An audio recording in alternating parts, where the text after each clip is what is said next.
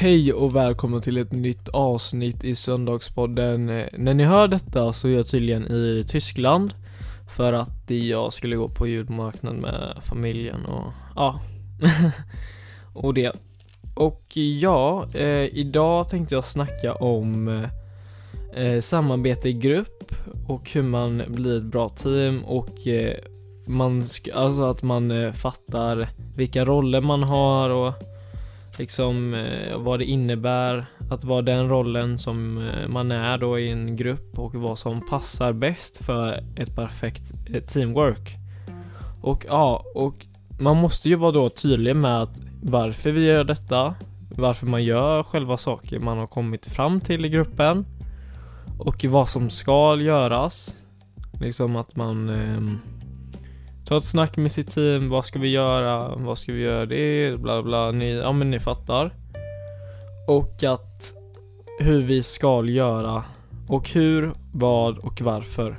Det är de tre viktigaste eh, frågorna som man ska ställa till sig själva i gruppen då. Hur vi ska göra det, vad som ska göras och varför vi gör det. Och det är väldigt bra att vara tydlig med det. Och eh, om ni då är en grupp så kan man ju ställa frågan till alla deltagare. Först kan man börja ju då med Vad kan du bidra med? Hur deltagande ska du vara? Vad är du villig att ta ansvar för? Vad kan vi göra tillsammans som vi inte kan göra enskilt? Hur kan vi göra varandra bättre? Har du några far farfrågor eller reservationer. Ja, och ja, det är de frågorna som man kan ställa till sig själv och till gruppen. Och eh, som jag sa förut, eh, vi alla har ju roller i grupper och sånt och då kan jag berätta då vilka roller som finns. Och då börjar vi med eh, den första då. Idésprutan, den som kommer på fler idéer om hur vi kan göra. Den andra, genomföraren, den som planerar det praktiska hur vi gör. Den tredje, specialisten, den som har specialkompetens om området. Den är, jag är ju typ den faktiskt. Och den fjärde, teamworken, den som ser till att alla är med i uppgiften. Som, ja, som är ledare typ ungefär. Ja, jag tror. Eh, och den femte, ifrågasättaren. Den som undrar om det finns andra sätt att göra det på. Och det är väldigt viktigt tycker jag att man har en sån reservperson som, han är, man kan säga att den personen är mer som eh, om du föreställer dig typ ett fotbollslag då är det den som eh, är då ifrågasättaren som sitter på bänken då och om man kommer till så här, om det blir kanske lite rörigt i gruppen, i, eller i din idé Så kan det vara bra att ha i den frågesättaren, eh, att den är med, förstår ni? Så, och den sista avslutaren, den som ser till att vi når målet och att vi hinner göra det Det är också bra och ja, detta var en lite kort eh, sammanfattning om eh, samarbete i arbetsgrupper som ni kan ta till er. Till exempel ni som ska starta UF eller företagande eller eh, vad som helst, en grupp. För det kan vara för allt möjligt. Det kan vara i skolan, plugg och ja. Men det är bra att man hittar en viss struktur i det hela, att man vet vilken roll man passar in i själv. Och eh, det kan bli så att eh, om man inte kommer överens med den andra eh, personen då är det viktigt att, att, kunna acceptera det.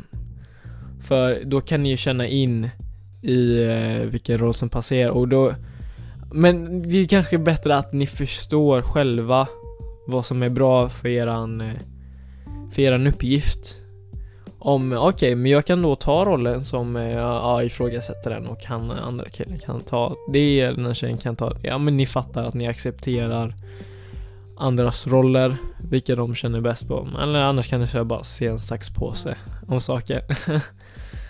och ja, och det var det. Jag vet inte, jag får lite ångest om jag lägger upp ett sånt kort avsnitt. Men eh, jag kom på att jag kan också ta upp en annan viktig del inom eh, arbetsgrupper och sånt eh, för personen då. Och det är klart feedbacken som är viktig. Och det är att veta vad som är skillnaden mellan det du vill och det som hände. Och be om specifik feedback från andra som var med.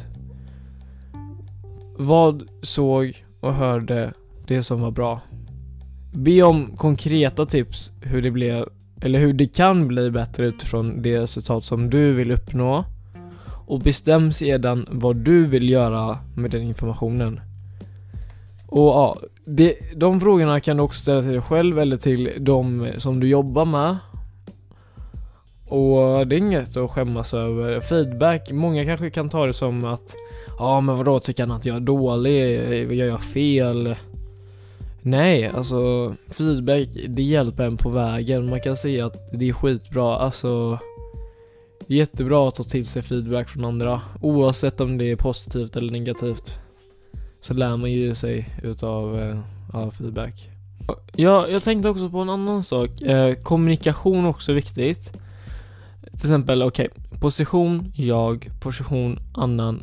Okej, okay, jag kommer läsa i olika, okej, okay, ja. En sak jag också tänkte på är att man har rätt tillstånd. Att man är positiv, man är glad, man är öppen för andras idéer också. Att man inte ska vara självisk, man ska inte bara tänka på sig själv. Det är viktigt att man har, eh, man delar olika värderingar med varandra, att man klickar tillsammans. Och att man eh, vågar acceptera andras värderingar men det perfekta teamet borde nog ha samma typer av värderingar för såklart ett företag anställer ju människor som har en typ av samma värderingar. Men det är också viktigt att hitta olika människor som ser på saker på olika sätt.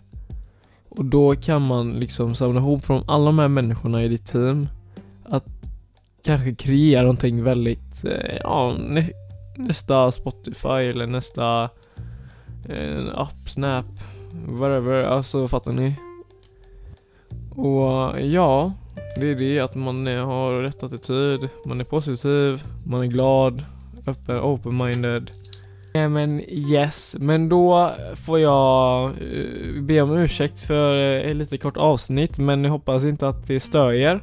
Men eh, då får jag gärna tacka för mig och glöm inte att följa oss på Instagram som vi har skaffat nu där vi lägger ut citat och bakom kulisserna som vi kommer göra. Och det kommer komma en, sjukt spännande giveaway eh, snart på Insta. Så håll er vakna och eh, glöm inte trycka på så här, eh, notisknappen så att ni vet eh, när vi lägger ut någonting. Det skulle jag verkligen uppskatta. Men då får jag önska er en trevlig söndag och ha det så bra. Hej!